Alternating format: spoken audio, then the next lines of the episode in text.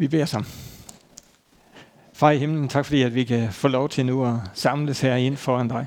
Tak fordi at vi kan få lov til at bede om, at vi må opleve dit nærvær, også i vores tanker og vores sind nu, hvor vi deler dit ord med hinanden her. Far, tak fordi at vi kan få lov til at træde ind i dit nærvær. Tak fordi du har skabt den mulighed for os.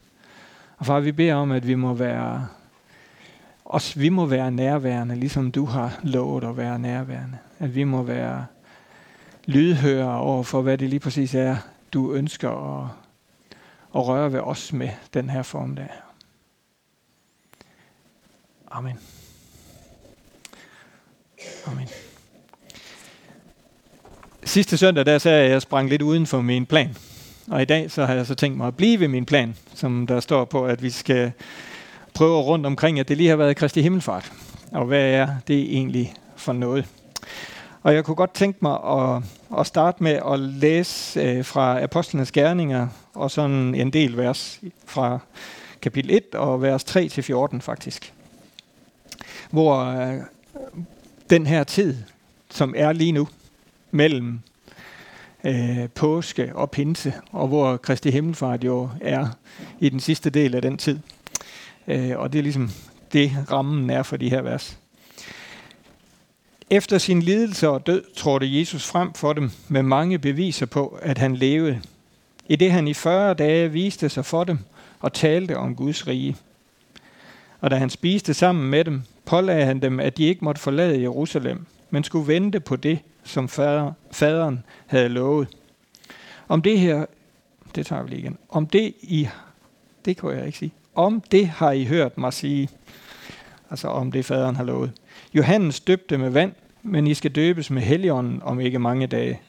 Mens de nu var sammen, spurgte de ham, Herre, er det nu, du vil genoprette riget for Israel? Han svarede, det er ikke jeres sag at kende tider eller timer, som faderen har fastsat af egen magt. Men I skal få kraft, når helligånden kommer over jer, og I skal være mine vidner, både i Jerusalem og i hele Judæa og Samaria, og lige til jordens ende. Da han havde sagt dette, blev han løftet op, mens de så på det, og en sky tog ham bort fra deres øjne. Som de nu stirrede mod himlen, mens han for bort, se, der stod der to mænd i hvide klæder hos dem. De sagde, hvorfor står I og ser op mod himlen, Galilæer? Den Jesus, som er blevet taget taget fra jer op til himlen, skal komme igen på samme måde, som I har set ham fare op til himlen. Så vendte de tilbage til Jerusalem fra Oliebjerget, som ligger tæt ved Jerusalem, kun en sabbatsvej derfra. Da de var kommet ind til byen, gik de op i salen ovenpå, hvor de plejede at opholde sig. Peter, Johannes, Jakob, Andreas, Philip, Thomas, Bartholomeus og Matthæus, Jakob Alfæus søn, og seologen Simon og Judas, Jakobs søn. De holdt alle i enighed fast ved bønden, sammen med kvinderne, Jesu mor Maria og hans brødre. Så det her, det var der, hvor de var lige nu. Vi er jo faktisk også lige i perioden mellem påske og pinse. Vi er lige efter Kristi Himmelfart. Og den tekst, vi lige læste, den slutter faktisk for disciplene der, hvor de vender tilbage, efter de har set Jesus blive taget op til himlen. Og hvis de var meget skarpe, så fandt de faktisk ud af, at Jesu mor var nævnt sådan i anledning af mors dag her. Så fik vi lige det med. Øh, så hun var en betydningsfuld del af det her.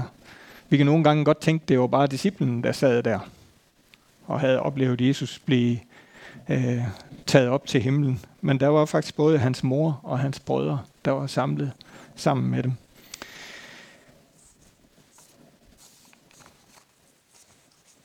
Det her med øh, tiden mellem påske og pinse, mellem opstandelsen og pinsen, og mellem opstandelsen og Kristi Himmelfart. Øh, det var jo en tid, hvor jeg tænker, at disciplene, de, øh, de gik sammen med Jesus. Den Jesus, som var blevet korsfæstet, den Jesus, som var opstået igen, og de havde fået lov at møde igen, efter at de havde tænkt i påsken, at det hele var forbi.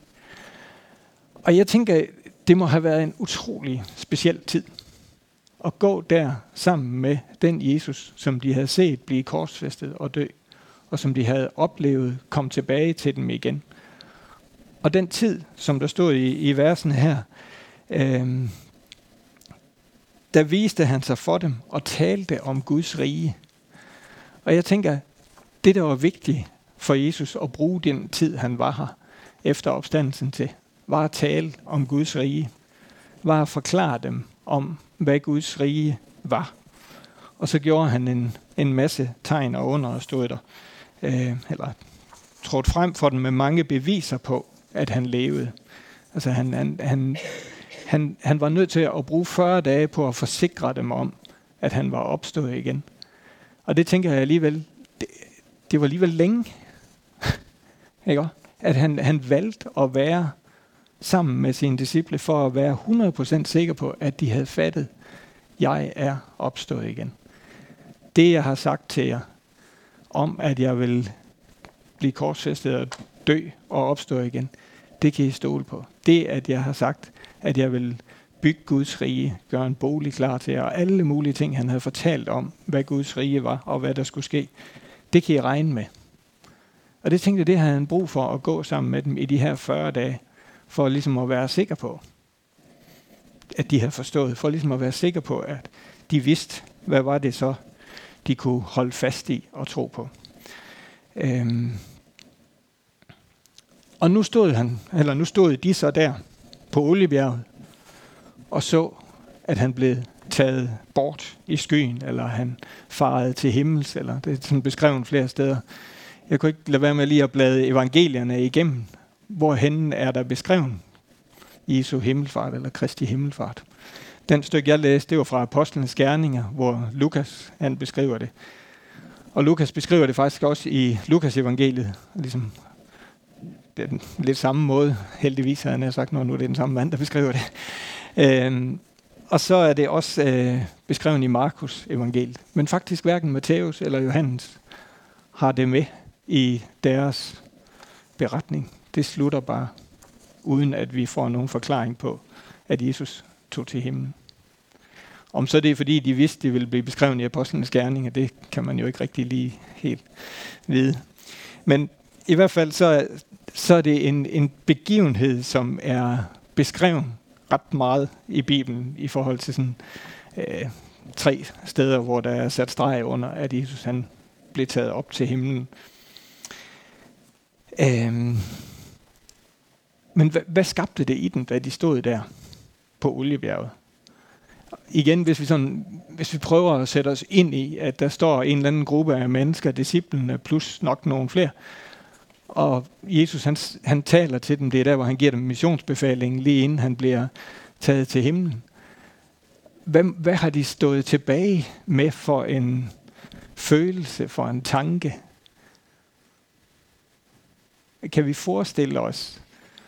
Der er jo ingen andre parallelsituationer beskrevne i historien. Jeg kender i hvert fald ikke nogen, hvor man sådan kan sige, der er sket noget lignende, hvor vi kan ligesom tage reference til. Eller vi har. Jeg ved ikke, om vi har, men jeg har i hvert fald aldrig oplevet noget lignende, så jeg selv sådan kan sætte mig. Øh, men jeg tænker jo, de vidste jo ikke, det skulle ske. De, de var jo ligesom ikke forberedt på, at nu sker det på den og den her måde. De følger med Jesus op på Oliebjerget, fordi han vil fortælle dem noget, og så bliver han taget op til himlen, og de står der. Hvad tror jeg, det var for en følelse, de stod med? Gerne byde ind. Tomhed. Ja. Forladthed. Ja. Andre bud.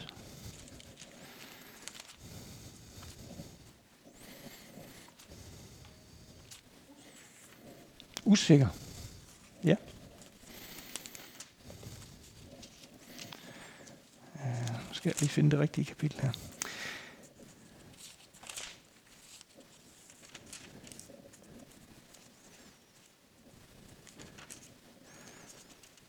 Øh, ej, det er pinligt, når man ikke har fået det skrevet rigtigt ned.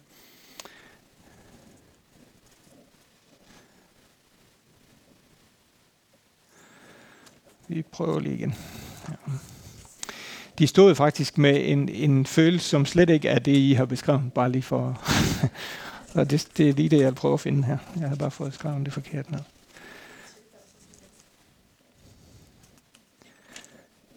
Hvad siger du? Ja. Øhm. Ah, det var da irriterende. Jeg kender I ikke det, når man skal tale? Så. Altså. Der står faktisk, og nu kan jeg selvfølgelig ikke lige finde verset her, men at de blev fyldt med glæde. Øh, det står i en af de beretninger, hvor det er i evangelierne. Nu kan jeg bare ikke lige finde den. De blev fyldt med glæde. De blev fyldt med en glæde, og jeg tænker, det var jo virkelig anderledes, end jeg ville have forestillet mig præcis de samme ord, som I sat på. Jo. Men jeg tror, at de blev fyldt med en glæde, fordi i deres ånd og i deres tanke havde de forstået nu, hvad det her det gik ud på. De havde forstået, hvad det var, der skete. Jesus havde brugt de her 40 dage til at forklare dem det, og de havde faktisk taget det til sig, og derfor kunne de glædes over, at nu stod de ved begyndelsen af noget nyt, da de ellers sådan lige øh, fik øh, rystet forundringen af sig, de her to engle, der kommer hen og står i den nye oversættelse, eller i hverdagsdansk oversættelsen, der står faktisk, at englene de sagde til dem, hvad står I og glaner for? Hvor de havde den der følelse af, ha, hvad står I og glaner for? Hvad, hvad, og her der står, hvad, hvad ser I efter? Kom videre, venner. og jeg tænker, det er sådan lidt også en, en, en, en ting til os. Vi skal også videre derfra. Eva, hun, vil, uh,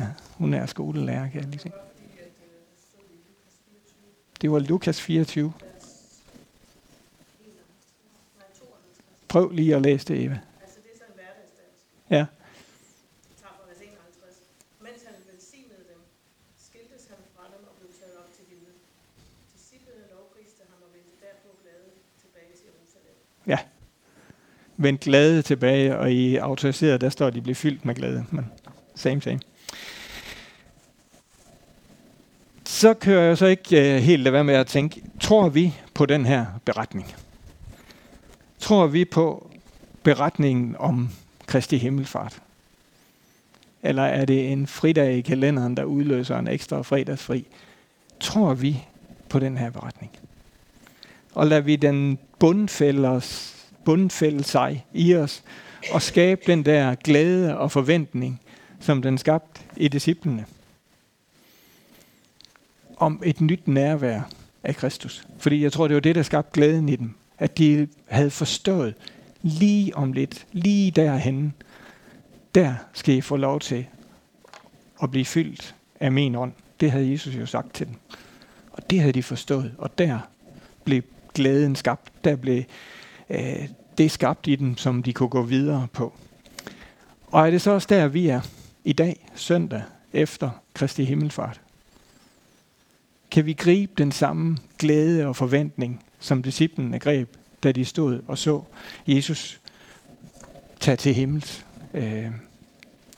Fordi vi kan jo sige, sådan nøgteren og rationelt kigget på den her begivenhed øh, i verdenshistorien, så må vi jo sige, at den er ret utrolig. Det, det, det kræver jo et eller andet af os at tro den her beretning. I og med, som jeg var inde på lige før, det er jo ikke sådan noget, der er særlig meget øh, sker hver dag, og ligesom vi kan sige, jamen det, det er jo helt, sådan er det selvfølgelig. Det er jo ret utroligt, at han står der og taler til dem, og så bliver han taget op i skyen. Hvis vi sådan øh, skærer al vores måske kristne bagvidenskab fra, og bare tror, kigger på beretningen om Kristi Himmelfart, så er det jo en, en ret utrolig beretning. Øh, og den er jo hverken dokumenteret på YouTube eller de sociale medier, så kan den overhovedet have fundet sted, fordi ting ligesom bliver det. Det er en beretning, som vi på en eller anden måde er nødt til at gøre op med os selv, om vi vil tro på. Vi har ikke engang øh, et gravkammer, som vi kan arkeologisk gå hen og kigge i, eller øh, jeg så en, der har været på tur til Oliebjerget, og til synlandet så er der lavet sådan to øh, sæt fodaftryk på Oliebjerget, hvor man ligesom siger, at det var her, Jesus han stod. Men øh, lurer mig, om ikke de er skabt siden. øh, så, så der er ikke det der bevis, som vi så tit gerne vil prøve at finde på de her ting. Det er en ren trossag om vi tænker, at Jesus gik her 40 dage efter sin opstandelse, og så blev han taget op til himlen på den måde, vi læser om i Bibelen. Vi er nødt til at læse den med troen på en Gud, der er hævet over det beviselige. Vi er nødt til at læse den med troen på en Gud, der er hævet over det, som kan bevises. Fordi hvis ikke vi kan det, hvis ikke vi gør det, hvis ikke det er vores udgangspunkt, så bliver det ikke andet end en god historie. Den udfordrer vores tro. Kristi himmelfart udfordrer vores tro. Lige så vel som den udfordrede disciplenes tro på det, Jesus havde gået og forklaret dem de sidste 40 dage, han gik sammen med dem, efter han var opstået. Vil de gribe det, eller vil de bare tænke, snydt igen? Det var sådan en lille ting, jeg også kom til at tænke. De havde set ham, gået sammen med ham, så blev han korsfæstet. Ah, de kunne jo have stået med præcis den samme følelse her. Snydt igen. Det gjorde de ikke, fordi troen var blevet skabt i den. Troen på, at det Jesus han var, det han sagde, jamen det blev også til virkelighed.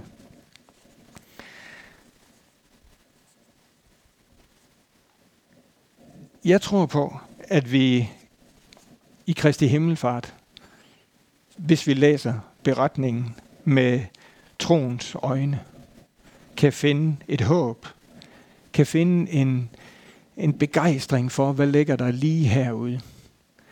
Det, det blev i hvert fald meget talen til mig, da jeg sad og arbejdede med den her tekst.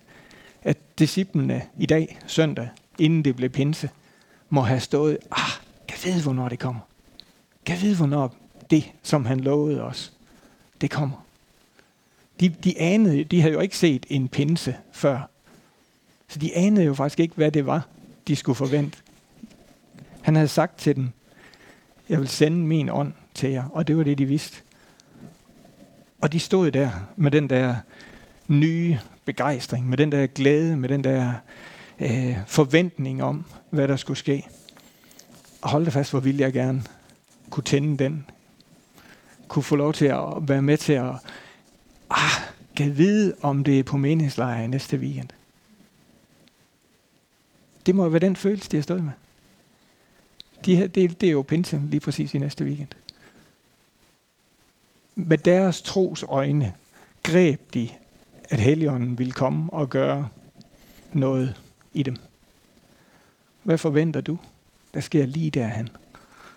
Set med de her øh, øjne, som disciplene havde. Jesus han gik som sagt de her 40 dage, og nu vil jeg prøve at give jer sådan en lille, øh, en lille gennemgang om, hvorfor jeg tror, disciplene kan kunne stå med den der forventning. Hvad var det, der var anderledes fra, øh, da Jesus han blev korsfæstet, hvor de var slået fuldstændig ud, og hvor de ikke havde en forventning om, ah, han opstår lige om tre dage. Det havde de jo ikke.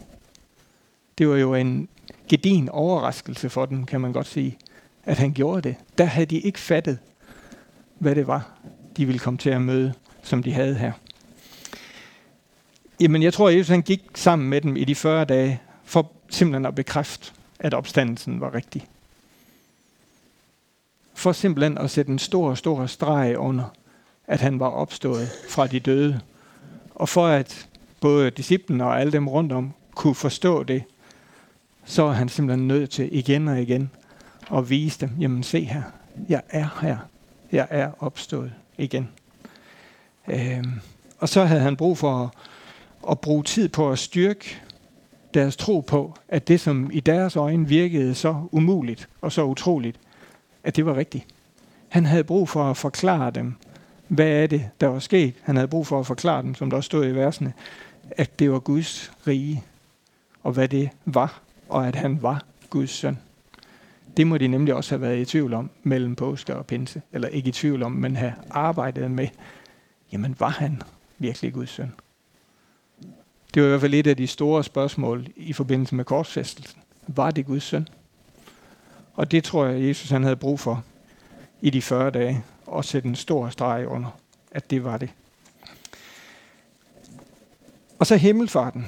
der hvor han, han forklarer dem, eller giver dem sin sidste tale, så tænker jeg, at himmelfarten, det var jo hans selvvalgte handling. Det var jo Guds helt selvvalgte handling.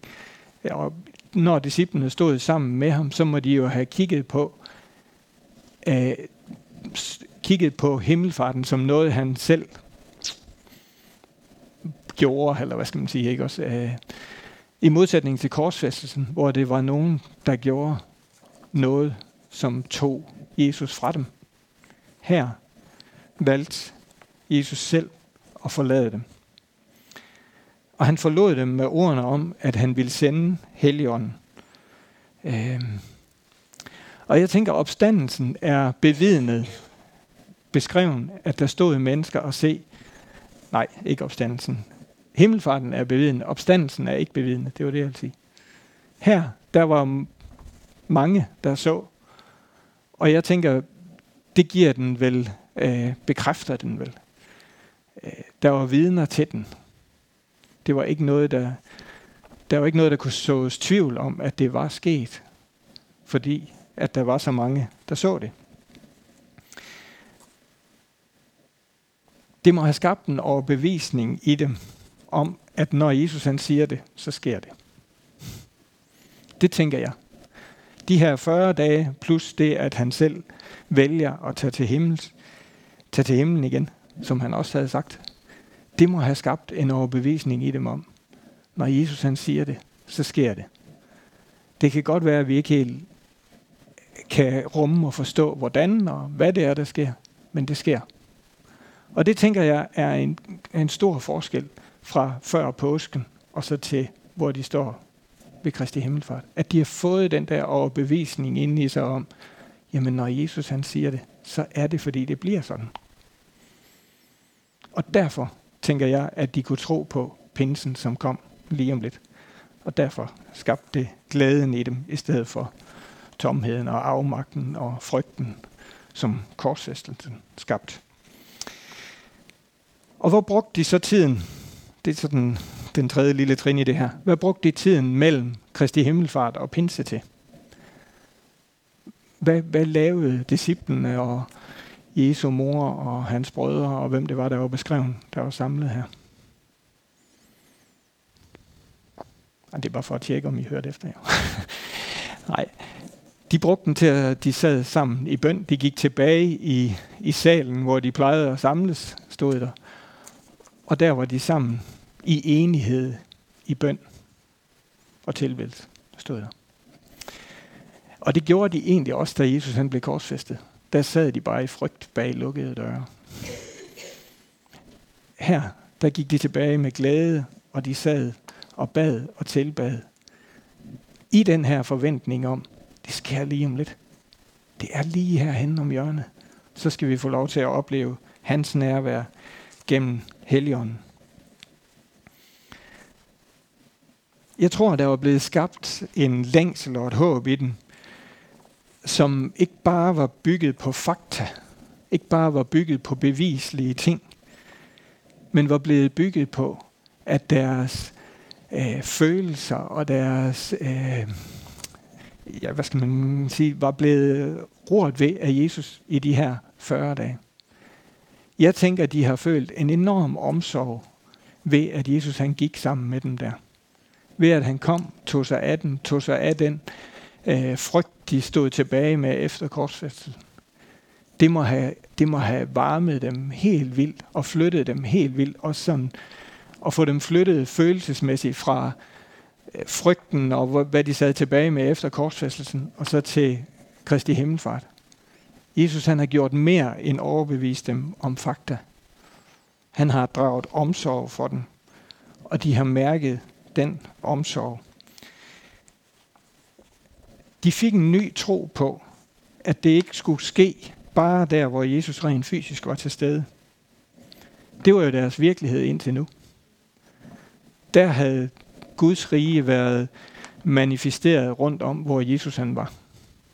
Nu skulle der starte en ny virkelighed. Der skulle starte en virkelighed, hvor det ikke bare var der, hvor Jesus rent fysisk var, fordi han ligesom ikke var der længere, men der skulle starte en virkelighed, hvor den virkeligheden, hvor Guds rige manifesterede sig igennem dem, igennem at de tog imod hans ånd, og de fik lov til at virke i hans kraft.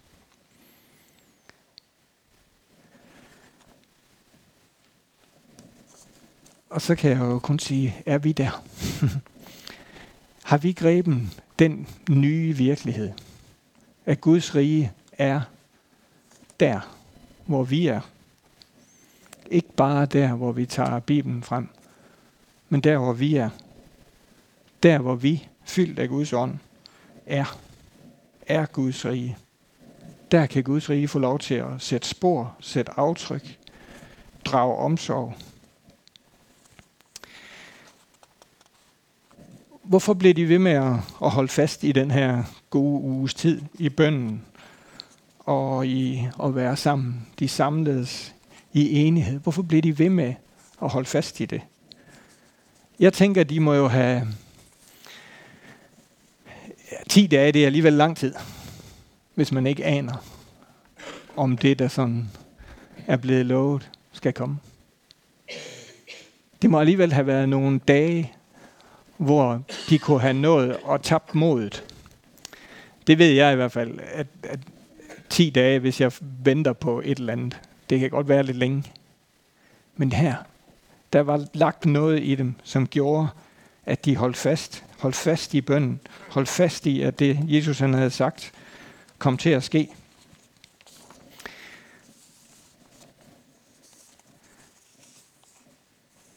Og han havde bedt dem om at blive der. Blive i Jerusalem, indtil Helligånden kom over dem. Så de kunne ikke engang, de kunne ikke engang sådan komme ud og fortælle, vi har set Jesus blive taget til himlen. De kunne ikke ligesom komme ud og sprede det der. De skulle blive i byen. De skulle blive der, hvor han havde bedt dem om at blive. De må have haft en, en forventning, der virkelig var stærk om, at det skulle ske og kunne holde til de her dage i ventetid. De brugte også de her dage til at få skabt orden igen. Få skabt orden i, at disciplene blev fuldtallige for eksempel. De valgte en ny i stedet for Judas. Og fik ligesom sat styr på, på nogle praktiske ting. Øhm. Ja. Har du gjort op med dig selv? Har vi gjort op med os selv? Om vi er gået den her vej sammen med Jesus de her 40 dage? Er vi blevet overbevist om, at det, der er så uforklarligt, var Guds plan? Har vi flyttet os fra hvor disciplene var omkring påske, og så til forventningen, hvor de er efter Kristi Himmelfart og før pinse. Har vi sluppet kravet om mere bevis og taget fat på at forvente, at Gud handler uforklarligt ind i vores sammenhæng. Det var en lang kringelig sætning, kan jeg godt lige høre. Har vi sluppet kravet om bevis? Eller vil vi ah, vi må lige, vi, der, der må være lidt mere som kød på det her, inden vi kan helt gribe det. Jeg tror faktisk, at det var noget af det, der skete for, for disciplene her. Lige pludselig så var alle, alle de her fakta-ting ikke så nødvendige længere. De havde grebet det, Jesus han sagde, og kunne tro på det. Øhm, kunne tro på, at når Jesus han siger det, selvom det lyder uforklarligt, selvom jeg ikke kan forstå det, selvom jeg ikke kan øh, sætte nogen bevis på det, så er det sådan.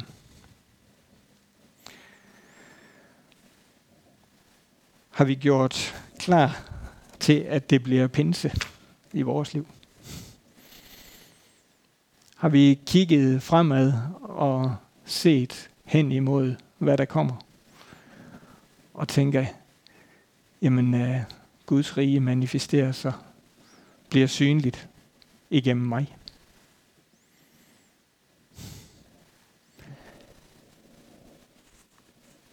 Det tror jeg faktisk er en, er en vigtig ting i forhold til at få lov til at se Guds rige blive synlig omkring os. At vi forventer det. At vi forventer Guds ånd rører sig i og omkring os. At vi forventer, at Gud han gør det, som ser uforklarligt ud. Som ser måske umuligt ud også. Og er vi der, hvor vi har den bøn, som, som disciplene havde, da de kom ned fra, fra oliebjerget. Hvad tror I, de bad, da de sad der? Det står der ikke noget om. I, det er jo ren øh, tanke. Hvad kunne deres bøn have været? Der stod, at det var bøn og tilbedelse, så de har selvfølgelig tilbedt Gud, tilbedt Jesus ud fra alt det, de havde oplevet, og ud fra, hvad han havde fortalt dem.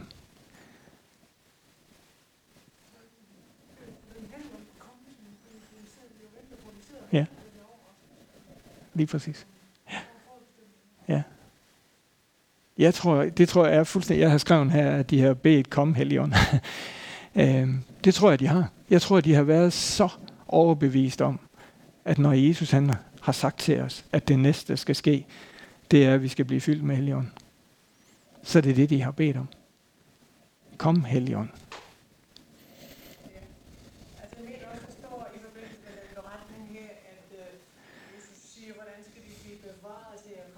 Mm. Men Gud siger, jeg har givet dem mit ord. Ja. Og det, det ord er helligåndens nærvær. Ja. Det er det, vi lever i lige med. Altså, der kan mm. høre den beretning, så, så er der to ting, jeg, jeg specielt synes, jeg forstår, og som jeg bliver ved med at forundre mig over, det er, at Jesus blev taget op til himlen, da han velsignede. Mm. Og, og det er det sidste blik, de har. Det er det, vi ser også, når ja. vi bliver velsignet, og det har aldrig sluppet os, når vi tager imod. Så er lige en ting med engle, jeg har spillet mm. på, ikke mig, når jeg har læst mig. julenat, den mm. himlen fyldt med engle, fordi Jesus kom. Og da blev korsfæstet, der var det også engle, han kunne have kaldt på en mm. million, og så ville de komme, de var der jo. Og den sky, som, tog, som den dækkede ham, mm. til julefarsdag, det var ikke sådan en regnsky, som vi mm. kender den fra Danmark. Det var en sky af engle, der tog ham hjem til Okay. Så har. Ja. Engle har fuldt ham altid. Ja.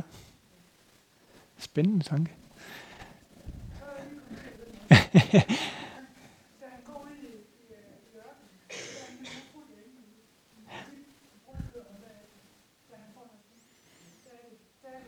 mm.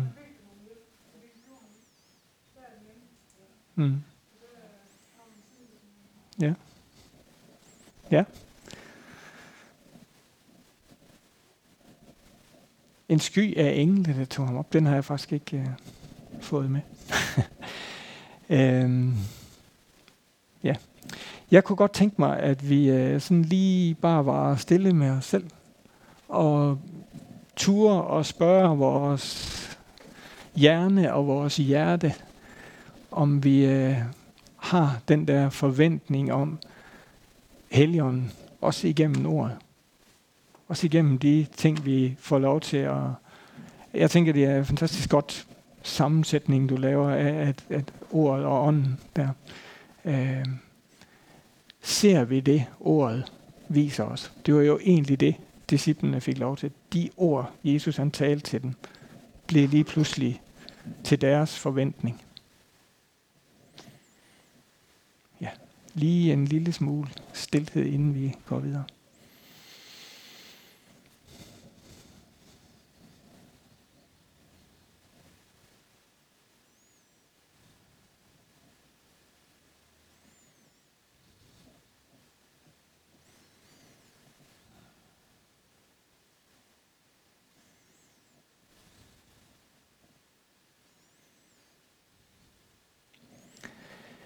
Ja, far i himlen, tak fordi, at, at vi kan kigge ind i dit rige gennem dit ord. Ja.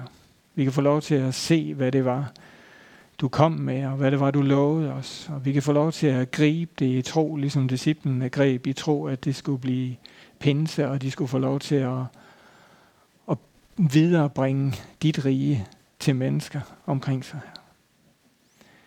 Far, vi beder om, at vi også må få lov til at og se og opleve, at din helligånd gør ordet levende og gør ordet virksomt. Og at den også får lov til at, at manifestere dit rige imellem os og til mennesker omkring os her.